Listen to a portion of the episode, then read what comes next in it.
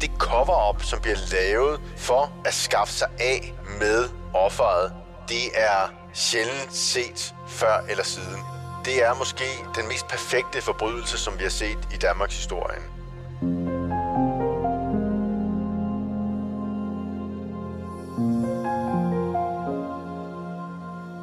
En gerningsmand inspireret af et litterært russisk storværk. Et lig af et sagesløst offer, der transporteres tværs over Atlanten. Og en ihærdig opdagelsesbetjent, der spænder ben for en nøje planlagt og næsten perfekt forbrydelse. Det er bare noget af det, du kommer til at høre om i denne udgave af Danske Drabsager. Vi går tæt på en af det 20. århundredes mest særprægede drabsager. Vært på dette afsnit er politihistoriker Anders Brandt Lundager, og til at fortælle om sagen har han talt med historiker og leder af Politimuseet i København, Frederik Strand. Mit navn er Stine Bolter. Velkommen til podcasten Danske Drabsager, fortalt af de fagfolk, der har været helt tæt på. Trækassens indhold har været længe undervejs. Først en tur over Atlanten, og så retur igen til Danmark. For indholdet er der ingen, der vil kendes ved i New York. Så nu står den tunge last igen i København. Flere politifolk strækker hals, da det første bræt bliver løsnet fra låget til trækassen. Nu kommer en stor cylinderformet trætønde til syne. Og da låget løftes på tønden, breder der sig en ubehagelig lugt af død i lokalet. Historiker og museumsleder på Politimuseet Frederik Strand tager os med tilbage til vinteren 1890, hvor sagen her tog sin begyndelse. Onsdag den 8. januar 1890 forsvinder inkassatoren Johan Meier. Johan Meier, han er som sagt inkassator. En inkassator er en, der tager rundt til forskellige firmaer og øh, inddrager øh, mulig gæld. Og han har flere forskellige poster rundt omkring i København, som han skal forbi den dag, hvor han forsvinder. Og han har et helt regnskab med i forhold til, hvem det er, han skal inddrive gæld hos. Og under denne her færden rundt i, øh, i byen, der forsvinder han altså. Han er sporløst forsvundet. Man finder enkelte af hans papirer nede omkring søerne, men det er også det. Han er simpelthen øh, fuldstændig borte. Der er ingen yderligere spor efter ham. Og det er selvfølgelig meget, meget mærkværdigt. Og der gidsnes om forskellige muligheder her. Han kan jo potentielt set være stukket af. Simpelthen have forladt byen og, ja, hvad vi nu skal kalde det, skjult sig af den ene eller den anden grund. Altså han kan være bortgået af egne grunde. En anden mulighed er jo, at han kan ligge et eller andet sted og være omkommet og afgået ved døden. Det kan jo ikke udelukkes. Kan eventuelt have begået selvmord et sted på grund af det ene eller andet. Men summer som arm er, at han er væk. Og det er selvfølgelig højst øh, mærkværdigt. Efter øh, hans forsvinden, og efter det, at man slet ikke finder nogen spor efter ham, og også det faktum, at man finder nogle af hans papirer, der ligger dernede ved søerne, så begynder man at fatte mistanke om, at et eller andet er galt. Inkassatorens pludselige forsvinden forekom mistænkelig, og meget kunne tyde på, at han ikke var bortgået af egen fri vilje. Det var derfor med en mistanke om, at der muligvis var sket en forbrydelse, at politiet opstartede en efterforskning af sagen for at kortlægge den forsvundne inkassators sidste kendte færden i København. Og i forlængelse heraf, så gennemgår man jo hans forskellige poster. De poster, det vil sige de beløb, som han skal, skal inddrage. Og man spørger også ind til, om de beløb, som skal inddrages, om det er de korrekte beløb. Da man går rundt og spørger ind til, om han har været de steder, han nu engang har angivet, på den øh, rute, han skulle tage den dag, hvor han forsvandt. Og der er så et sted, Politiet er rundt og undersøge, om øh, Maja skulle have været. Det er blandt andet hos en sæbefabrikant. Der får de at vide, og det er det eneste sted, der får de at vide, at det beløb, som, øh, som der stadigvæk skyldes, det er ikke korrekt. Det er en mindre beløb, der, der taler om. Og, og det undrer mig, at der er de her unøjagtigheder i, øh, i Majas øh, regnskab, fordi han er ellers en meget nøjagtig og grundig inkassator. Så det undrer man sig over. Men man lader det stå og, og siger, jamen, hvis det er påstanden, så forholder man sig til det. Men, men dog med en vis øh, undren. Og den person, politiet har været i kontakt med, der har den her øh, sæbefabrikation, han hedder Adolf Philipsen. Der var tale om en 34-årig farmaceut og sæbefabrikant. En af den hastigt voksende sæbeindustris pionerer. Det var ikke fordi sæbe var en ny opfindelse. Siden middelalderen havde man kendt til, at sæbe kunne bruges som rensemiddel, men det var relativt nyt, at man fik almen kendskab til vigtigheden af simpel håndvask. En viden, der bare 40 år forinden havde medført et styrtdyk i dødeligheden blandt nybagte mødre på hospitalerne. Sæbefabrikanten red altså med på en betydningsfuld bølge. Han var lidt af en forgangsmand i industrien, og så var han i øvrigt gift ind i en velanset familie i hovedstaden. Ikke desto mindre var han en af lånerne på den patentlige inkassators rute. En rute, som politiet efterhånden havde kortlagt ret nøjagtigt i et forgæves forsøg på at finde spor af den forsvundne inkassator. Frederik Strand fortæller. Men der sker ikke noget yderligere. Altså, man, man finder ikke ud af, hvor Maja er henne. Der kommer intet yderligere frem omkring Majas færden. Han er sporløst forsvundet, og øh, ruten rundt på hans øh, sidste inkassatortur afdækker ikke noget nyt i forhold til, hvor han er henne. Og der går derefter nogle uger, og det, der sker, det er, at sæbefabrikanten Adolf Philipsen, som var den eneste, der havde en indvending imod øh, Meyer, hans fabrik bliver pludselig ramt af en, en brand, og øh, branden øh, ødelægger forskellige ting på lageret blandt andet. Og i forlængelse af branden, så sker der det, at Philipsen forsvinder. Han øh, forsvinder ud af, af landet og rejser mod Tyskland. Og han efterlader en øh, besked til sin kone. I den besked gør han opmærksom på, at han har levet på en, øh, en form for løgn, og nu ønsker at forlade landet. Og han ønsker at rejse bort, taler han om. Og han har en oversøisk destination i sinde. Hans kone tænker, at han er blevet ramt af sindssyge. Hvilket jo ikke for så vidt ikke er, er helt urimeligt. I og med, at der tidligere lader til at være... Altså firmaet har lader til at have gået godt. Det er hendes opfattelse i hvert fald. Han er dygtig. Han øh, er produktiv, innovativ. Han har i øvrigt, Philipsen, øh, giftet sig ind i en højborgerlig familie. Hans kone, det kommer som et chok for hans kone, at det her det pludselig finder sted, og han er stukket af over hals og hoved. Og udover det, så har han i øvrigt også stukket af fra en stor regning, som han ikke har betalt, fordi det, det også viser sig, det er, at firmaet, det går ikke som forventet.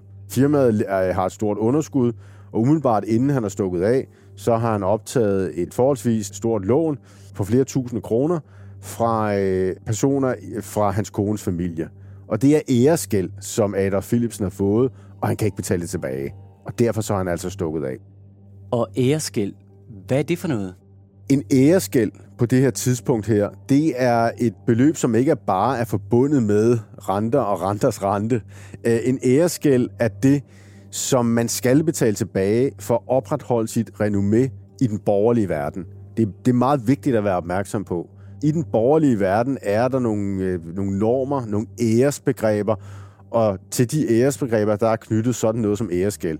Så har du lånt dit beløb fra en nærtstående familie, så skal det her beløb kunne betales tilbage, ellers taber du ansigt. Og, og det er helt afgørende ikke at tabe ansigt i de her højborgerlige familier. Og der kommer Adolf Philipsen altså fra. Så han har ikke set anden mulighed, da han ikke kunne betale æresgælden, så han måtte stikke af. Det var altså til syneladende et forfejlet forretningseventyr, familiegælden og det enorme sociale ansigtstab, som sæbefabrikanten blev udsat for ved ikke at kunne betale pengene tilbage, der havde fået ham til at tage flugten. Vi må altså forstå, at det knæk, som sæbefabrikanten led i sin anseelse, føltes enormt alvorligt. Men altså alene i moralsk og social forstand. Juridisk havde den type gæld ikke som sådan retslige konsekvenser for skyldneren. Men ifølge det brev, som han havde sendt til sin hustru, ja, så havde han nu taget konsekvensen af sin store derut. Han var rejst til Tyskland med henblik på fra Hamburg at flygte videre til en ikke nærmere defineret oversøisk destination. Og det faktum, at han nu var på flugt, ja, det vagte i den grad politiets mistænksomhed. Der var i det hele taget noget suspekt ved denne sæbefabrikants forklaringer og adfærd den sidste tid. For politiet kaldte det på hurtig og resolut handling. Opdagelsespolitiet i København, de er på det her område her utrolig dynamiske, kan man vel roligt sige. Fordi det, der sker, det er, øh, at da de finder ud af, at Rolf Philipsen han er stukket af til Hamburg, så sørger de simpelthen for at sende en opdagelsesbetjent efter ham. Øh, opdagelsesbetjentens øh, navn er Klein, og øhm, Klein, han rejser resolut ned til Hamburg. Og i Hamburg, der begynder han at gå alle hoteller igennem. Han øh, undersøger, hvem der er taget afsted og har skrevet sig ind i forhold til oversøiske ruter. Altså, han helmer virkelig ikke. Han er enormt aktiv, øh, Klein. Han støver hele Hamburg igennem, og det lykkes ham at finde ud af dernede, at der faktisk er en person, det kalder sig ikke Adolf Philipsen, men med lidt andet navn, som har valgt at tage øh, en destination imod Sydafrika. Og øh, Klein kan også se, at den her person her har øh, skrevet sig ind på den her rute her, og skibet faktisk, da Klein finder ud af det, er afsejlet. Så skibet er lagt fra land og øh, er på vej øh, til at sejle ud med destinationen over øh, England og så videre til Sydafrika. Så fuglen er faktisk fløjet. Skibet German med den formodede sæbefabrikant var dagen forinden afgået fra Hamburg mod England, for derefter sejle mod Afrika. Men det fik imidlertid ikke den ihærdige danske opdagelsesbetjent til at give op. Han kontaktede Flux, skibets ejer, for at høre, hvornår skibet forventet ville ankomme til England. Der ville ifølge den her skibsredder gå lidt længere tid end normalt, for skibet var netop gået på grund i floden Elben. På et grundstødt skib i Elben i det nordlige Tyskland sidder en dansk mand. Han er på flugt og har ændret sit udseende, så ingen kan genkende ham. Hvis nogen spørger, oplyser han et falsk navn, og at han er doktor. Den falske doktor har lagt en flugtplan. Han er på vej mod nye eventyr, og intet kan stoppe ham. Og dog. For pludselig nærmer der sig et lille dampskib. Da det er helt tæt på det grundstødte skib, stiger to mænd ombord. Og få øjeblikke efter hører manden ordene, de er anholdt. Den ihærdige danske opdagelsesbetjent var altså sted ombord på det grundstødte skib, og han havde der antruffet den eftersøgte sæbefabrikant, der måbende indrømmede sin sande identitet. Og Adolf Philipsen, han er, må man virkelig sige, som faldet ned fra månen. Der er en, en beskrivelse af, hvordan det her det faktisk foregår fra opdagelsesbetjent Kleins hånd. Han beskriver faktisk, hvad det foregår i en rapport til uh, politidirektøren i København. Og den rapport her er meget, meget underholdende, fordi han beskriver hele forløbet nede i Hamburg, og også hvordan han et, simpelthen dukker op på det her skib her, der er gået på grund, og så får fat på, på Adolf Philipsen, der er fuldstændig chokeret og overrasket over, pludselig står der en dansk opdagelsesbetjent, pågriber ham og tager ham ombord på sit skib, og ellers sætter ham ind i et fængsel i, i Hamburg, og så efterfølgende får transporteret ham til Danmark. Det er en ret utrolig historie, og på det her tidspunkt er det en anholdelseshistorie, der bliver vidt og bredt øh, kendt og berømt i Danmark efterfølgende. Det danske opdagelsespoliti begyndte nu for alvor at bore i, om der kunne ligge andre grunde bag sæbefabrikantens pludselige flugtforsøg end den ubetalte æreskæld. Der havde jo også været en pludselig brand i hans fabrik, og så var der jo den forsvundne inkassator. En teori begyndte at tage form i hovedstadens daværende politihovedkvarter i Domhuset. Kunne inkassatorens forsvinden på en eller anden måde have noget med sæbefabrikantens pengeproblemer at gøre. For der var ikke nogen konkrete beviser for, at sæbefabrikanten skulle have været involveret i inkassatorens forsvinden. Eller, det vil sige, lige indtil de moderne massemedier fik nys om politiets overvejelser og teorier. Frederik Strand fortæller. Det, der så sker, det er, at det kommer frem i aviserne, at Adolf Philipsen måske kan være involveret i drabet på inkassator Meyer. Og da den information kommer frem, der er det sådan, at Adolf Philipsens tjener, han, han bliver opmærksom på, at øh, han, virker, han er involveret i det, at øh, der er en mistanke om, at hans tidligere chef uh, måske har været involveret i det her drab her. Og da han bliver opmærksom på det, så, så kommer han også til at tænke på, at der er en ting, der undrer ham. På et tidspunkt, da han står på lageret sammen med Adolf Philipsen, der er det sådan, at tjeneren finder en overfrakke og en form for blæser. Den finder han på lageret, og han spørger, om han kan beholde det. Hvis det ikke skal bruges til noget, så, så vil han høre, om han kan beholde det. Og til det, der siger Adolf Philipsen, som er i øvrigt bliver betegnet som en, en øh, venlig og rar chef, øh, han siger, ja, behold du bare dem. Så han har taget det her tøj med hjem, og han kommer til at tænke på, at det er da egentlig underligt, at det har ligget inde på det her lager her. Og den information gør han politiet opmærksom på. Og øh, politiet får så overdraget det her tøj her over underfrakke, og de kan konstatere, at det er tøj, som har tilhørt Johan Meyer. Og nu begynder tingene jo så at falde i hak for politiet. Fordi hvis de her øh, tøjstykker her har tilhørt Johan Meyer, og de har været på Adolf Philipsens lager, så må der jo være en eller anden form for relation imellem de to. Altså, så er det meget tænkeligt, at Adolf Philipsen har været involveret i drabet. Men stadigvæk, så er der jo gåden omkring, hvor Adolf Philipsen er henne. Man har jo gennemsøgt hele lageret, man har gennemsøgt alt, hvad der er. Der er ingen spor af ham. Men den gode tjener her, han kan yderligere fortælle, at inde på det her lager her, der har der jo stået alle mulige forskellige store kasser og den slags ting. Men der har øh, også stået en stor tønde. Og tjeneren kan fortælle, at i den her store tønde, der er de kommet alt muligt forskelligt læsket kalk ned i. Og læsket kalk kan medvirke til at øh, stoppe forrådnelsesprocessen, hvad angår døde dyr og så videre. Men det kan jo også medvirke til at stoppe forrådnelsesprocessen, hvad angår døde mennesker. Og tanken for politiet bliver så altså her, kunne man forestille sig, at Johan Meyer er blevet slået ihjel af Adolf Philipsen, og så efterfølgende proppet ned i den her tønde her, så er der blevet fyldt læsket kalk i tønden, der er blevet sat låg på, og tønden er så blevet transporteret et eller andet sted hen. Og man undersøger så derefter, hvor den her tønde eventuelt kan være blevet transporteret hen. Og det, man finder ud af, det er, at tønden den er blevet sendt med øh, fragtfirmaet Tingvaller, og den blev fragtet ned til, til øh, havnen i København. Der er den blevet sendt med et skib til USA, og på tønden, der er der blevet sat en adresse, og den adresse er simpelthen en form for øh, fake-adresse. Øh, og den er så havnet over i New York, den her tønde her, og der står den så bare derovre og kan ikke transporteres videre. Står simpelthen permanent på havnen og kan ikke havne et, øh, et konkret sted. Og politiet undersøger så om denne her teori her. Fordi hvis den bliver sendt til en decideret adresse derovre, så vil man blive åbnet, og man vil finde ud af, at der var noget i vejen. Men når den bare står der og henstår på havnen, så kan den jo stå der i lang tid, kan man sige. Men politiet de giver havnemyndighederne i øh, New York besked om, at der skulle stå sådan en tønde derovre. Og havnemyndighederne de gennemgår så hvad de, alt, hvad de har derovre, og de ser også den her tønde her. På baggrund af udsagn fra sæbefabrikantens tjener, ja, så kom der altså umiddelbart skub i opdagelsespolitiets efterforskning. Og men politiet endnu savnede bevis for sin teori. Ikke desto mindre, så passede tesen så langt, at der faktisk stod en cylinderformet trætønde i New Yorks havn. En tønde, der var blevet afsendt fra sæbefabrikanten i Danmark. Da opdagelsespolitiet i København fik besked om, at tønden var lokaliseret i USA, bad man de amerikanske havnemyndigheder om ikke at åbne tønden. Det gjorde de alligevel. Amerikanerne åbnede tønden og konstaterede, at der var noget i den. Tønden blev hurtigt lukket igen, og den blev pakket i en stor, firkantet trækasse. Og snart var den på vej til Danmark, hvor den ankom i Københavns Havn. Frederik Strand fortæller. Og den bliver så transporteret ud til St. Josef Stiftelsen, hvor man laver de her undersøgelser, ja, i forhold til, til de retsmedicinske undersøgelser her.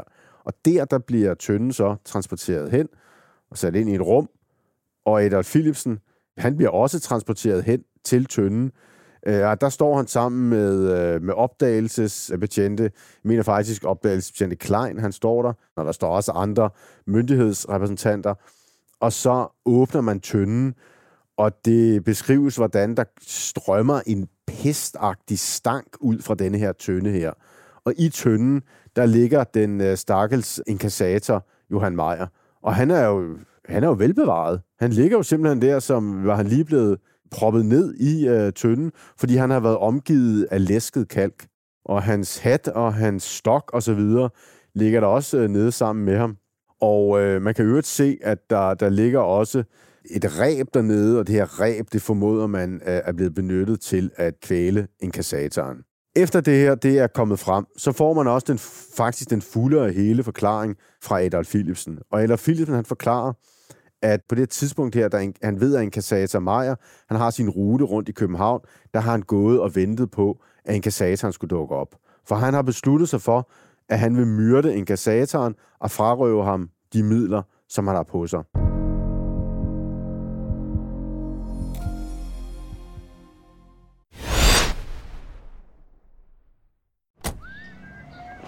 Er du på udkig efter en ladeløsning til din elbil?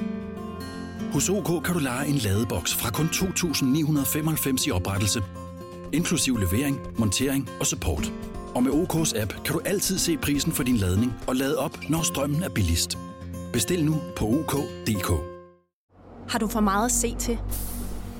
Eller sagt ja til for meget? Føler du, at du er for blød? Eller er tonen for hård? Skal du sige fra? Eller sige op? Det er okay at være i tvivl. Start et godt arbejdsliv med en fagforening, der sørger for gode arbejdsvilkår, trivsel og faglig udvikling. Find den rigtige fagforening på dinfagforening.dk Haps, haps, haps. Få dem lige straks. Hele påsken før, imens billetter til max 99. Haps, haps, haps. Nu skal vi have... Orange billetter til max 99. Rejs med DSB Orange i påsken fra 23. marts til 1. april. Rejs billigt, rejs orange. DSB, rejs med. Haps, haps, haps. Der er kommet et nyt medlem af Salsa Cheese Klubben på MACD. Vi kalder den Beef Salsa Cheese, men vi har hørt andre kalde den Total Optor.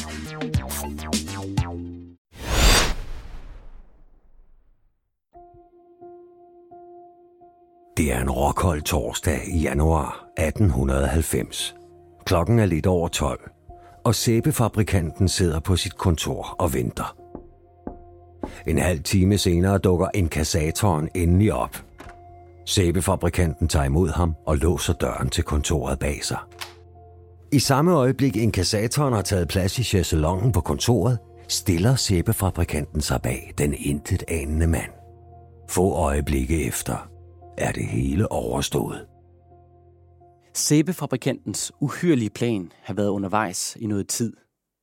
Han vil gøre sig til drabsmand for med et slag at bringe sig selv ud af sit økonomiske og dermed også sit sociale armod. På dagen for drabet havde han bedt sin tjener om at stille en tønde klar. Tjeneren havde herefter haft ærner ude i byen, så sæbefabrikanten havde ro til at virkeliggøre sin planlagte, frygtelige ugerning.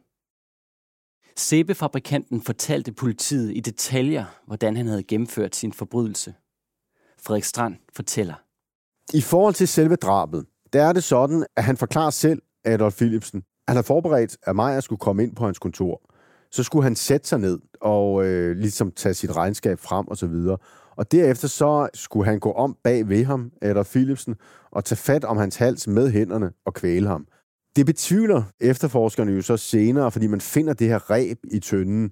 Men, men summer varm i forhold til det, det er, at drabet bliver betegnet som et kvælningsdrab. Om det sker med hænderne, og om han har kræfterne til det, det er lidt omdiskuteret. Det mest plausible er, at han har benyttet det reb, som man har fundet, surret omkring hans hals, og på den måde altså øh, slået ham ihjel.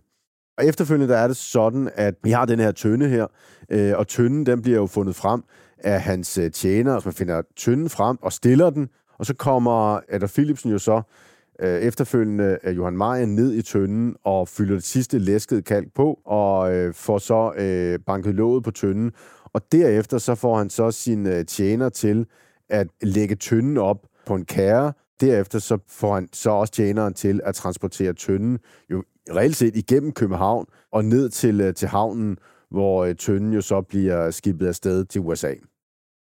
Da offentligheden fik kendskab til hændelsesforløbet omkring sæbefabrikantens kyniske drab på den sagsløse inkassator og den efterfølgende plan for livets bortskaffelse, ja, så vagte det stor furore. Og det gjorde ikke historien mindre opsigtsvækkende, at drabsmanden meget muligt var inspireret af et af litteraturhistoriens største værker. Frederik Strand fortæller. Det er jo yderst hensynsløst drab, der her finder sted, og det er planlagt fra starten, og det er et rovmor, så værre kan det egentlig ikke blive. Men der er den detalje i det, at Adam Philipsen mener egentlig, at altså, han skal betale en æreskæld ved at slå den her person ihjel. Øh, og han skal have sit firma til at leve videre ved at begå det her drab her.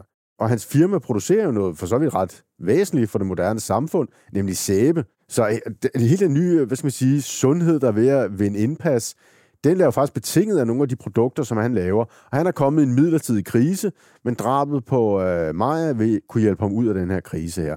Alt det her, det minder om en meget, meget berømt roman, der er skrevet et par årtier tidligere, nemlig 1860'erne. Og den øh, roman, som er en af verdenshistoriens største romaner, den hedder Forbrydelse og straf.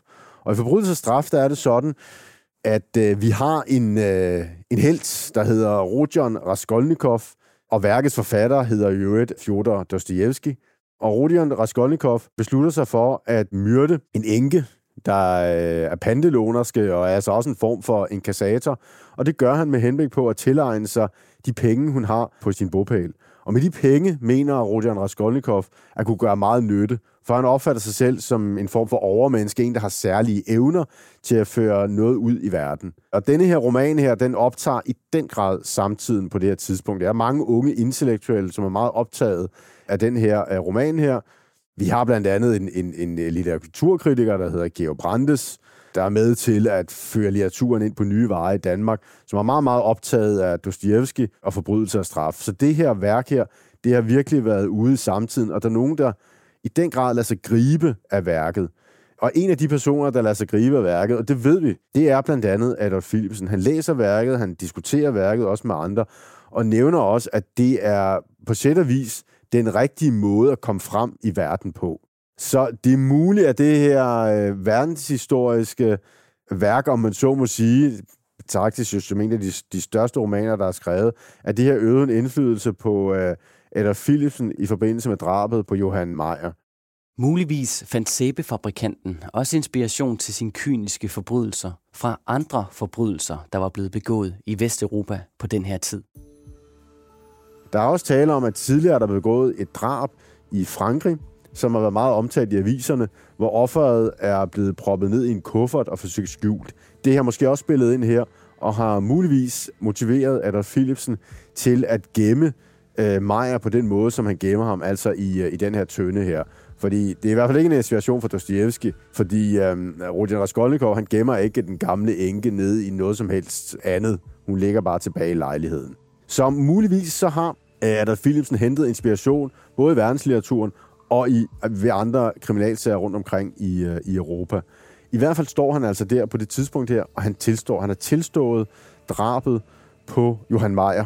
Og dermed så har man altså fundet øh, løsningen på, hvor den gamle inkassator blev af. Han var havnet i en tønde, myrdet af en øh, sæbefabrikant, og så efterfølgende tønden fragtet over til USA, hvor den har stået igennem flere uger. Og nu er han altså endelig vendt tilbage, Johan Meyer, og bliver i øvrigt efterfølgende begravet under enorm opmærksomhed på assistens kirkegård. Der skal særlige politiafspærringer til for at forestå denne her begravelse her. Der herskede i samtiden ingen tvivl om, at en sådan kold og kynisk forbrydelse måtte taxeres til den daværende straffelovs hårdeste straf, nemlig dødstraf. Og netop dommen og den dømtes videre skæbne i myndighedernes varetægt skulle føre til en større offentlig polemik. Frederik Strand fortæller. Det er sådan, at Adolf Philipsen, han efter han har tilstået drabet, og drabet er jo det værst tænkelige drab. Det er et rovmor. Ikke desto mindre så er det sådan, at han, han bliver først idømt dødstraf. Men dødstraffen, den bliver senere vekslet til livsvarigt fængsel. Og det bliver senere meget omdiskuteret. Og øh, diskussionen går på, at Adolf Philipsen, han er jo en litterær person. Han har giftet sig ind i en højborgerlig familie. Selv kommer han fra en middelklassefamilie. Hans far har været øh, apoteker, men har lidt af psykisk sygdom. Men ikke desto mindre har han fået uddannelse. Han har også fået en længere akademisk uddannelse. Så han kommer altså fra, fra ret gode forhold, og især giftet sig ind i højborgerlige forhold. Og diskussionen går simpelthen på, at grund til, at han ikke bliver henrettet, det er simpelthen, fordi man ikke ønsker at henrette en person fra et højborgerligt miljø. Så hans øh, dødstraf bliver vekslet til livsvarigt fængsel i Horsens statsfængsel. Og diskussionen omkring Adolf Filsen, den dukker særligt op i forbindelse med den sidste henrettelse i Danmarks historien. I hvert fald den almindelige sidste henrettelse. Vi har jo senere henrettelser under besættelsen. Men den almindelige sidste henrettelse på Jens Nielsen, den finder sted i øh, 1891. Og det er altså efter, faktisk, at der Philipsen har fået sin dom.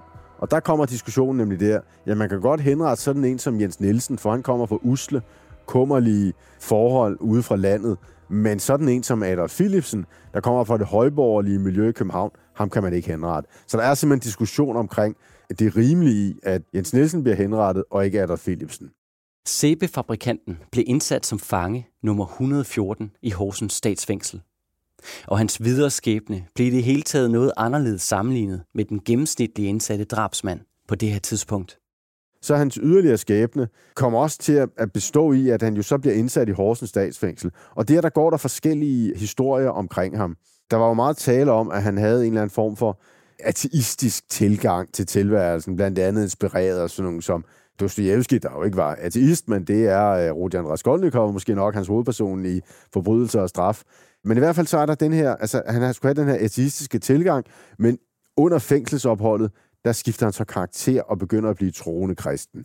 Om det er sandheden, det kan givetvis uh, diskuteres, men i hvert fald så er der meget, der tyder på, at han er en eksemplarisk fange. Altså, han, han bliver velset i, i fængslet, han gør, hvad, hvad, hvad fængselsvæsenet ønsker, og det ender også med, at han øh, i løbet af 14 år bliver han faktisk løsladt fra fængslet. Og efter denne her løsladelse, der sker der det, at øh, hans kone fra det højborg miljø, hun har hele tiden holdt fast i Adolf Philipsen. Altså hun har på intet tidspunkt ønsket skilsmisse. Og efter Adolf Philipsen er blevet løsladt, så rejser familien til Kanada. De slår sig ned i, øh, i Kanada, og i Kanada, der op, lykkedes det faktisk Adolf Philipsen at opbygge en ny og succesfuld fabrik. Og fabrikken, den vokser derover, og det gør familien øh, også. Og den dag i dag, der har Adolf Philipsen efterkommer Asser, der stadigvæk lever derover. Familien er ikke bekendt med, at Adolf Philipsen har været involveret i den her type af kriminalitet i Danmark, men de er bekendt med, at Adolf Philipsen kommer fra Danmark og er udvandret for omkring de her 100 år siden, lidt mere. Men selve hans forbrydelse, fordi familien er på et tidspunkt blevet bekendt med det, det kommer to- totalt bag på familien, at de har altså øh, en ane tilbage i historien, som har begået det her meget, meget, meget spektakulære drab, men som samtidig har været med til at grundlægge øh, en fabrik i, i Canada, altså også er stamfar til, øh, til resten af familien. Så en, en mærkelig historie på mange forskellige måder. Og måske kan man også sige, for en gang skyld en, en lykkelig udgang på det, der skulle have været den perfekte forbrydelse, men som øh, endte med at blive det perfekte setup, som blev afsløret af blandt andet en meget, meget ihærdig opdagelsesbetjent, som jo faktisk lykkedes at, at pågribe øh, Adolf Philipsen, inden han stak af et andet sted hen, for ikke at blive opdaget.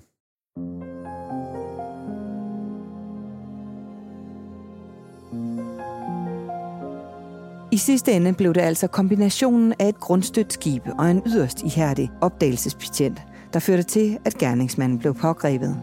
Men drabsmanden fik endnu en chance. Så stod de pårørende til den dræbte inkassator tilbage i en helt anden situation. Datteren fortalte mange år senere i et interview med Dagbladet Aktuelt, at farens grusomme død havde kastet en mørk skygge over hende og familien.